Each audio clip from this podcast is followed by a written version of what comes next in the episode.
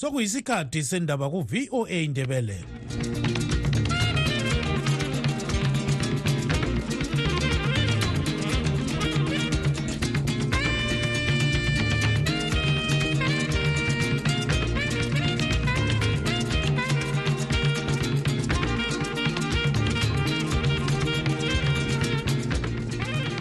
lami ngibonge utanono kawande obesipha indaba ngolimi lwesishona. Lingalivuka njani zulukandaba? Olamukela emsakazweni westudio 7 ngolwesibili mhla ziku-2 zibandlela 2024 ngochris gande. Endabeni zethu lamhlanje umnyaka uqala abanye bezibuza ukuba ulo esiwusungule kuyona le iviki uzaba lobubelo na kwezombusazwe? Ngabe ukuthi abantu bezimbabwe bayasa kulevuli lokuthi bake bakhohlwe ngolimi abalukhulumayo mhlawumbe besingabona ipolitical party enepower manje nendaba zokuthi ibandla ukuthi likhokliselwe ngamadoda wakhe kumele lisuke esigabeni esithile kumele libe based eharare. Icele lebandla le-mrp ebelifuna ukutshengisela lamuhla phezu kodaba lokukhwezwa kwemali yamapasipoti lincitshwe imvumo yokutshengisela ngamapholisa izalandelwa na inkuthazo yomanyano we-health world health organization eyokuthi abantu bengaqhawulani emfeni njengenye yendlela zokuzivikela kumkhuhlane wekholera zonke lezi ndaba lezinye lizozizwa khonapha emsakazweni westudio 7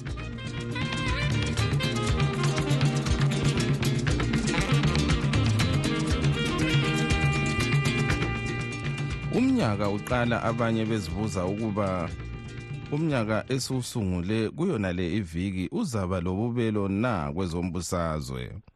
Umbuzo lo uza ngoba kulesipunepune kubandla le-ccc lona elikade lithenjwe ngabaningi lanxa leli bandla likhonone ngempumela yokhetho olwenziwe enyakenye aliyanga emthethwandaba ukuyakhalaza ngokuqilibezelwa.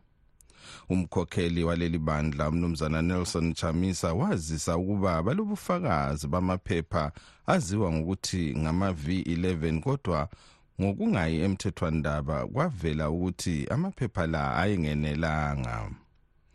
Kuthe ngokuya kwesikhathi kwavela umnumzana sengezo chabangu ozithi ngunobhala jikelele webandla waxotsha amalunga aleli bandla edale lephalamende elesenethi lamakhansila athi bakhethwa ngudlu. Ukuhlaziya lolu daba sixoxe lolandela izombusazwe umnumzana cassius jas simanampofu. Ah umnyaka lodlule lo kwezombusazwe kakhulu. Akukho nje okuningi okuthintshileyo okuningi esikubonileyo ukuthi udubo lukakhulu lwelizwe lethu njengezimbabwe luya phambili ngoba labantu ede bekukhalele ukuthi mhlawumbe uhulumende ngoba uhulumende omutsha kwehlule. Akukho nje into etshengisa ukuthi vele kulento ezolunga laphana. Ngumnyaka omubi nje ofana leminyaka esuka kuyo yonke. Kuwe esikhathi esingoba lezulu kalikho kutsho ukuthi futhi lowo mnyaka esizongena uzoba nzima ubangelwa ukuthi izulu asaye sibe nalo. Ma sibheke okwenzakale last year. Futhi abantu basazohlupheka kakhulu manje nxa sikhangela wona amabandla ezombusazwe ungathini ngawo ikakhulu la aphikisayo amabandla ezombusazwe ngicabanga ukuthi abakuqiniselwa umsebenzi kumele bawenze ikakhulu laba abaphikisayo. Ngoba into esuke imanise ukuthi balwisana le-zanu p f same time bona bayehle ukuthi babambane. I-zanu p f ihlangene and yibo abayinika amandla. Bayehluleka nje ukuthi babambane babe iphathi nje eyodwa ongathiwa bezi-coalition ngoba ma sikhangela ibandla eliphikisayo njenge-c c c yilo ibandla elikhulu. Kodwa-ke kusuke kubonakala ngathi alilamkhokheli sibili ongamelana le-zanu p f. Ngoba lo mkhokheli okhona ngathi yes uthandwa ngabantu. Kodwa-ke isibindi leqiniso sisethu ukuthi abonakala ukuthi kumele amele ahambisane ezanu p f akanaso leso sibindi. Kubangelwa futhi ukuthi ibandla lakha likhokhela alilabanye abantu ababonakalayo. Nguye kuphela obonakala njengopresident wephathi kulabantu abayi-three abakhethwe nguye futhi. Ugift siziba lo mahere lo promise mkhwanazi barana ibandla beyi-three. So lokhana kunika izanu p f amandla. Abanye abanye ama-veterans epolitics abanjengaboncube labotendayibiti labowonke labanye abanjalo abaselanto abangayikhuluma ngebandla la. Ibandla laselithethwe lafakwa esikhwameni ngumuntu oyi-one. So khokhana kunika izanu p f amandla amakhulu kakhulu ngoba bayabona ukuthi yona ibandla eliphikisayo ngokwalo vele lidivayidene kakhulu phakathi akulanto e, e, engaphuma engayenzi zanup f yethu manje nxa sesikhangela wona lo umnyaka esesiwusungulile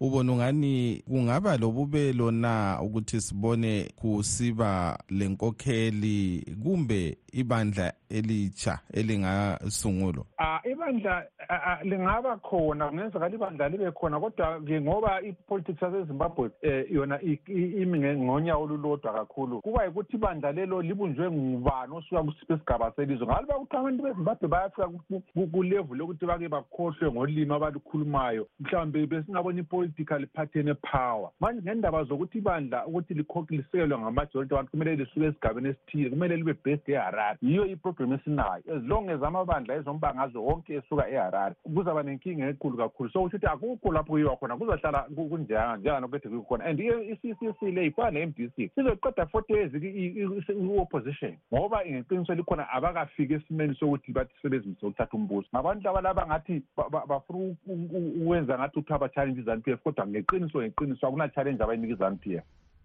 lo-ke ngumnumzana cassius jays simanampofu olandela izombusazwe ubekhuluma ecingweni lestudio 7 esesouth africa.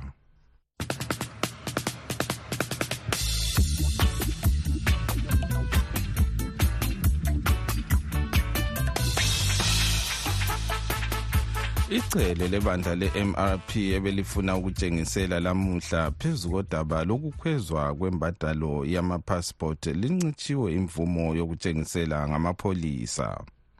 Umholi wamapholisa esabelweni sebulawayo central uchief superintendent v nkomo ephendula isicelo sebandla le-mrp uthe abalobanga isicelo sabo ngendlela efunwa ngamapholisa.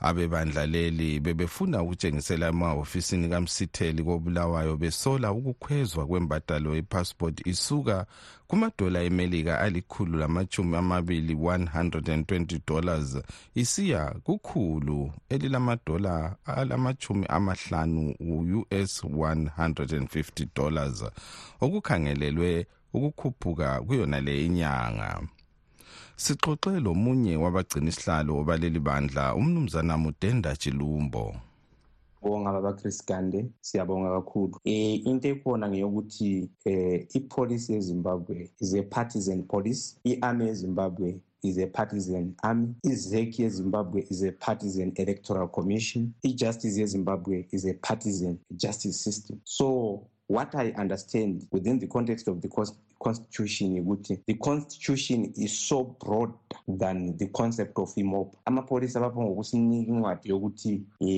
i-demonstration yenu yamhla ka-two yajanuary ayimeet ama-requirements awemopa. Imopa and i-ipa kumbe iphosa kajonathan azichiyananga so those are thus, they are just ama-establishment to infringe our constitutional rights. So thina we are saying ngabafuna ukuthi i-passport ibe ku-150 us dollars simply because bafuna ukuyothengela ama MPs awe ZANU PF ama-land cruiser. It's unconstitutional we have got many mechanisms of revenue collection. Passport is a circumstantial document meant to ensure ukuthi umuntu ophuma elizweni whether ulanda umuntu ogulayo ngaphandle kwelizwe. So ngabona sebesithi yiyo imali yepassport yezasebenza to modernize ama-borders as umthula incube ekufakile ngesikhathi when there was i-question and answer session eparliament. Uthi yena he wants to use that money to introduce automated passport readers in the border. Does it make any sense? Into ekhona ngeyokuthi akula mthetho obavumelayo ukuthi bayenze khonokho. Yisigumaguma that's what we want to stop ukuthi home citen lapha kobulawayo mhla ka-two abavuli. Thina izimthokazi republic party siyavuka sikhona phaa we know they are trigger happy they are triggers crazy but that is not going to stop us. Manje lizathatha nyathelo bani njengoba kukhanya yonke imihlangano eliqoqayo bayayivimba amapholisa. Uh, into ekhona esibili babathi chris gandhi if all the state institutions are no longer responsible to run the affairs of the state ngendlela eyiyo as citizens we have got the repositories authority to, to, to, to take the powers of the state into our hands. So we are saying nxa istate through the police through the just, justice system sifuna ukwenza intando kayiphikiswa hhayi asoze sikuvume lokho umnangagwa the president of zimbabwe is only a temporal holder we-office does not is not the state the state must defend the constitution against all odds. But esikubonayo ku-zanup f le government yezimbabwe ezibiza ukuthi i-government nesikwazi ukuyi-zanup f there is conflation of stat state and part activities. Yizanu emisa zonke izinto. Sibabonile abantu bezanu bedemonstrata e-embassy yepalestine bekhokhelwa ngubaba umchris mtswango. Bethi bona impi esepalestine is not good. Lathi we condemn impi leyana with all the contempt it deserves. But thina abantu bematebeleleni izana ayivumi ukuthi sidemonstrate against ukuthi bonke abantu abayenza indaba yegugurahunu abanjengomnankagwa losydney sekramay kabathonisiswe ku-international criminal court of justice abafuni ukuthi sidemonstrate. Even ukuye ebhalagwe bayasiyabisa so we are saying no we have got the authority. Bona nxa kukuthi bathemba ukuthi bazasibulala into esikhona thina yikuthi aba abavuli laphana mhla ka-two. Lokho angekuphumpa ukuthi abavuli. We are going to lead from the front as the leaders of imthwakazi republic party national interim committee. Ngiyabonga. Lathi siyabonga. Lo-ke ngumnumzana mudenda chilumbo ongomunye wabagcina isihlalo becelele bandla le-mrp ubexoxa ecingweni lestudio 7 ekobulawayo.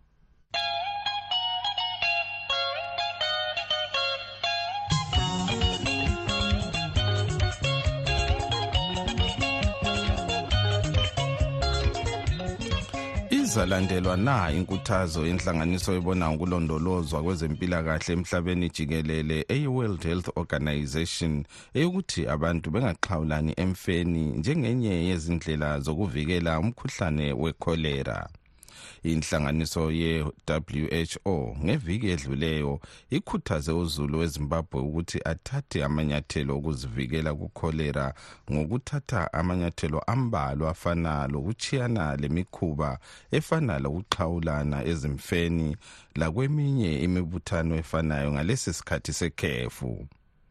Kumbiko eyethulwe enkundleni yokuxhumana e-x linhlanganiso ithe abantu kumele bageze izandla ngesepha ngaso sonke isikhathi njalo bengadli ukudla okungcolileyo ngoba lokhu kungabafaka engozini yomkhuhlane lo. Uhulumende uthi selokhu umkhuhlane wekholera uqhamuke elizweni kunyanga ezedlule ezimbalwa usubulele abantu abangamakhulu amabili lamachumi phose amabili 217 njalo wahlasela abedlula inkulungwane ezilichumi lambili 12533 untungameli nkomo studio 7 uxoxelo khansila kawadi 9 kobulawayo umnumzana donaldson mabutho. Yena othi abantu kumele bayilandele inkuthazo ye-who ukuze bazivikele.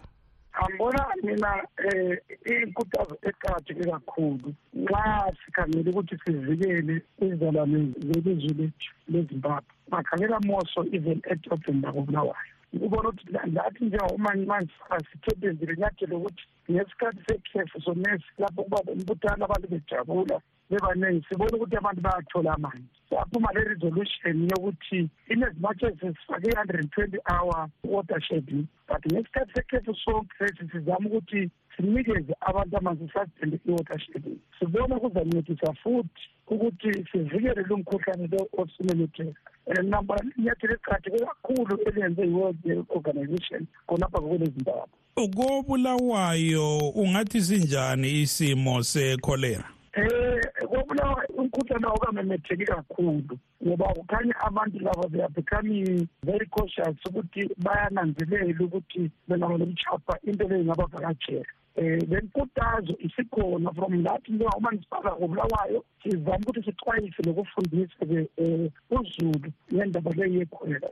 Uke waphatha udaba lwamanzi kanti kulo daba lwengcekeza njalo sike sabona kusikhatshana esedluleyo. Abahlali bekhala ngokuthi ingcekeza kayibuthwa ngemfanelo. Obe kulakho kumbe okulakho ukumemethekisa imikhuhlane efana lekholera. Ungathi njengomasipala selizibutha kuhle yini izibi ye sibe nemizamo ethile njengoba nikwazi ama-reference compactors ethu emalutshwane kodwa sizakwanisa ukuthi sithenge six. Lokudinga futhi labo abasincedisayo ukuthi outsource ukuthi besincedise ukunjani ukubutha izinto lezi sibabhadale kodwa ngiyajabula kakhulu ngoba siwathengile i think inyanga eziphelileyo babonile siwakomishina ama-reference compactors lawo. And izinto sezivuthwa um ngesikhathi. Kodwa futhi-ke sibe sesibonga kodwa siyakhangela i-c b d yethu ikakhulu emakethe. Kulobunzima ngoba ubunzima obukhona mbona kani yingabomu eyenzwa ngabantu asebelethe eminye imikhuba yabo bevela kwezinye isigodlo bezeyiletha kobulawayo. Into lezo ungazinanzelela njengemakethi kobulawayo laphana kwakunganjani? Kulabantu abafakwa laphana for political reasons bevele kwezinye isigaba beletha imikhuba engalunganga. Yikubona ubulawayo ungakhayela ku-cpt laphana kasakhangeleki lathi silemizamo ethile sekuthi siyabutha senze kodwa siyathola abantu bayajikela khonapha andiyeba so sike sathi-ke sizazama ukuthi kathesi-ke njengoba sesilamanye ama-candidates alo naleli bandla elibusayo akwane ukuba yi-five.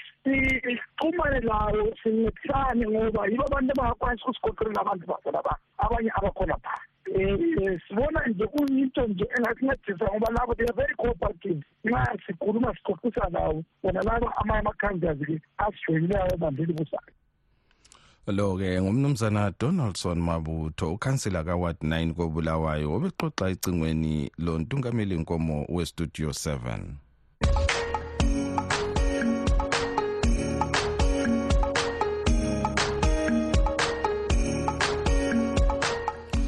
okwamanje sengidedela emuva ngilichiya ezandleni zenu lina balaleli bethu kumbiko elisithumele nge-whatsapp ye mbingelele enkundleni. Ngithi litshona njani basakazi? Hayi basakazi isimanga esilaso nansi. Kubonakala uchabangu efuna ukubaleka lekhanda likachamisa. Umbuzo okhona yikuthi kati uchabangu wakhanyakale efuna ukusebenzisa ikhanda likachamisa engasebenzise lakhe ngoba layo lephathi yakhe ebizwa kuthiwa yi-triple c. Kodwa uzwakala ingathi ufuna le kachamisa. Ngoba ekachamisa sesikhuluma iqiniso ama-supporters ilawo. Amaningi futhi kakhulu. Yikho libona nje uchabangu ezama ukusebenzisa ikhanda likachamisa ukuthi edle lapho ongasebenzanga khona. Cabanga ukuthi elakho ikhanda likhulu kakhulu ma engalifaka laphana lingamsebenzela elakho ikhanda. Kulokuthi belokhu elwisana lekhanda likachamisa elokhu efuna ikhanda likachamisa um uyambona impela konke okwenzayo ukuthi uzama ukudiliza kodwa-ke hhayi umbuzo yikuthi-ke chabangu uhambe ezidlela imali yabantu owayithathayo bisela imali yabantu leyo owayidlayo. Bisela imali yezano leyo owayidlayo ngoba lokho okwenzayo ngelinye ilanga lapho kuzadubuka khona kuzokuchiya mpela umangele chabangu siyabonga amazimbabwe amahle sithemba lingene kahle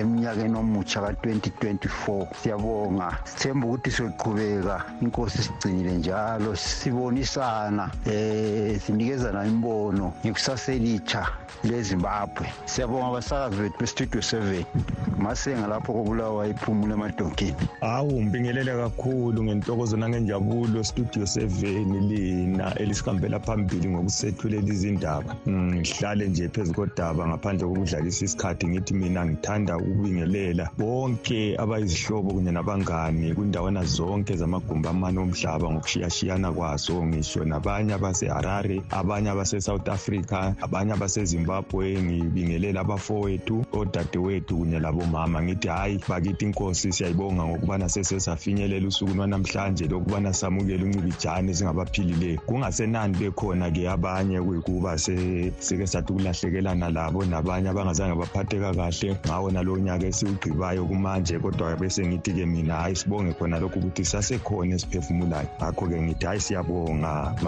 seven amahle azisethule izindaba. Niqhubeke senza njalo. King studio seven studio seven njani? Wonke abasakazi bethu lapho ku-studio seven sithi ngithandani ngiyaphila kodwa kwindawo zonke zomhlaba ngabe niyaphila khona ngapha e-america liphile kubo-dubai liphile kubo-zimbabwe liphile ngapha e-south africa nabo south botswana ngiyababingelela. Igama nguphathuma uphethe lapha ekwite empandeni kwesikasigola isigaba. Ngiyaphila ngiyaphila ngithi ngiyababingelela bonke ngibingelele umama wakwami ekhaya. Laphana entsholotsho ngiyababingelela bonke abafowethu abasem emazweni lithi ngilithandane lonke nibe ninako omusha studio seven studio seven siyabonga baphathi behlelo siyabonga kakhulu sigqibe umnyaka omutsha philile umlimi usigcinile. Ye noma bakhona abantu abanjengochabango abangafuni izinto ziphumelele kodwa siyacela lo mnyaka omutsha umlimi asinika amandla. Konke abakwenzayo kubi abantu bayabumba bona bayadiliza. Ye umlimi esinika amandla ukuthi siphumelele lathi sifuna nje ilizwe lakithi liphumelele liqale kutsha siqale umnyaka omutsha yonke into ibe ntsha. Siyabonga kakhulu studio seven labaphathi behlelo. Sibonga bonke abantu abafike lowo mnyaka siphile. Abanye abawufikanga lowo mnyaka siyabonga kakhulu. Sithi phambili ngohlelo lwenu lokubambana. Abantu babambane lapho bakhona balwe belwela into eyodwa. Khipha izano kuphela ezimbabwe. Into esiyikhangeleleyo esifuna ukuyilungisa leyo ukuthi sonke amaphathi wonke abambane sikhipha izano. Siyabonga kuphela umlimi asinika amandla. Singapheli umoya siyabonga. Studio seven studio seven. Basakazi wethu abahle kakhulu siyalibingelela um ngisithi engathi lingangena kakuhle enyakeni omtsha um nathi siyanxusa ukuthi unkulunkulu asikhokhelele nalapha abantu bajabula khona izizalwane zonke zasezimbabwe. Eh sijabule kodwa sibuye sizigade sizilimite singene eminyakeni omtsha siphilile siqale iziqalo ezintsha eh ngokwentando kaNkuluNkulu. Ngiyawabonga amazwi kaNcube lo bekhuluma ku studio 7 amazwi akhe mahle kakhulu amazwi akhe ayakha. Sanibonani bathwakaza bahle. Yayi siyabezwa omalakhe inkomo lapha babekhuluma ngendlela eh abakhuluma ngayo. Bathi bona abekubona abacindezela eh amalungelo abantu eh futhi bona abaphuli ilungelo lomuntu. Yebo siyakuzwa baba malaki inkomo uyakhuluma. Kusho ukuthi thina eh njengamanje sesizocela ukuthi ustudio 7 akakhulume eh no minister wamaphoyisa uPaul Nyathi akachaze imithetho esetshenziswayo ku constitution ngoba lokho sikubonayo abantu mabeyokhankasa sokuvele kufika amaphoyisa babachithiza babadudula kuthiwa abekho emthethweni. Kanjani? Ngoba i-permission letter bazoba bayitholile bahamba nge-permission letter. Kodwa kumane kufike nje amaphoyisa abachithize bathi abafuna ulobu so angithi amaphoyisa wona kumele eze laphana azolinda azolinda udlakela nxa luzoqala. Hhayi ukuthi bavele bafike basuse abantu bathi alikho emthethweni. Yinto leyona le elwisa abantu futhi elwela ngamabandla aphikisayo ngoba akulona ilungelo lokuthi eh amaphoyisa afike ahlukumeza abantu. So sicela yena uPaul Nyathi lo mkhulu wamapholisa eh bo studio 7 wike nikhulume naye sizwele ngendlebe zethu ukuthi kanti imithetho yakhe yena ihamba njani. Ngoba siyakubona phela kuyenzeka kodwa abebandla eliphikisayo elibusayo bathi bona akusibona eh into zamaphoyisa lezo. So sicela lo ubaba lo akakhulume lapha ku studio 7 silalela yep yep yep yep yep yep yep new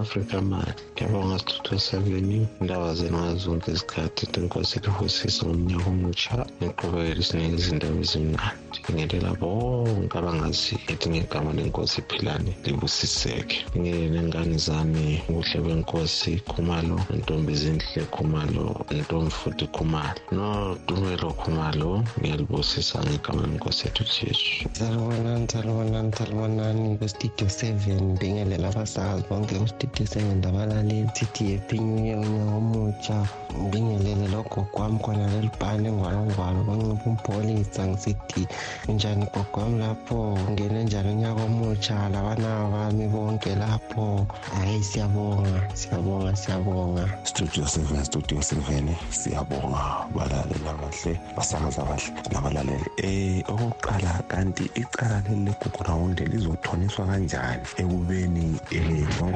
umuntu beyenza into waphinda belijaji ayiphume ezandleni zezinduna lo mntango wakho ayiphume iye kwabazimele bakithi. Bantu bakithi okwesibili gqugquzelani ukuthi sizimele bantu bakithi liyekela nento zam. Okunye bakithi bantu bakithi um sicela lisikhuzele umalakhi inkomo inkomo limkhuzenini impela aziphathe kahle. Engaziphathi kabi izanu le kade baginya abantu sibhekile. Ye malakhi inkomo limkhuze kakhulu bantu bestudio seven. Limtshele ukuthi unyathi uthe khuze uyakhuzeka umkhaya wakhe. Umkhaya wami ngempela usuke felaphusi kakhuze umalakhi engajabuli aze adlulise. Ye engajabuli aze adlulise. Siyakwazi ukuthi uyathola konke uyasutha. Kodwa izanu kade eh, ibasebenzisa abantu bayisebenzisa okwechaphisi okwechingama ngesindebele. Ikuhlafuna icede kulahlelele uzosola malakhi inkomo. Siyakuzwa masimamela ustudio seven ukuthi izinto zi-right ezimbabwe yonke into i-right ayikho into e-right malakhi ke uqamba amanga. Yekela ukudlala ngabantu wena mm. uhola imali ezanu udle lokho okudlayo ungakhuluma amanga izinto ziyabheda ezimbabwe le mm. okhulumayo ngunyade again ngise-south africa. Just because uthola lokho ongamasenti okutholayo malakhi inkomo. Cela nimdlulisele le nto le ngiyabonga. Salibonani basakazi labalaleli. Bakithi siyabonga ngelisenzela khona kodwa siyacela ukubana ke lisifakele lisichasisele sizwisise kuhle. Sizama ukulendelela indaba le ephethwe yisadakhi lapho lithe lathola amaqiniso cela libe lisichathekela ngoba asizwa kuhle asiyizwisisi njalo sicina sesizwa amanga lamaqiniso thina siloyisa ukuthi isadakhi ayikhokheli ukuthi kwenziwe ama-elections amatsha ezimbabwe. Ngiyabonga. Lathi siyabonga. Lawo-ke abengamazwi enu lina balaleli bethu elisithumele nge-whatsapp kunombolo ezithi plus 1 202 465 0318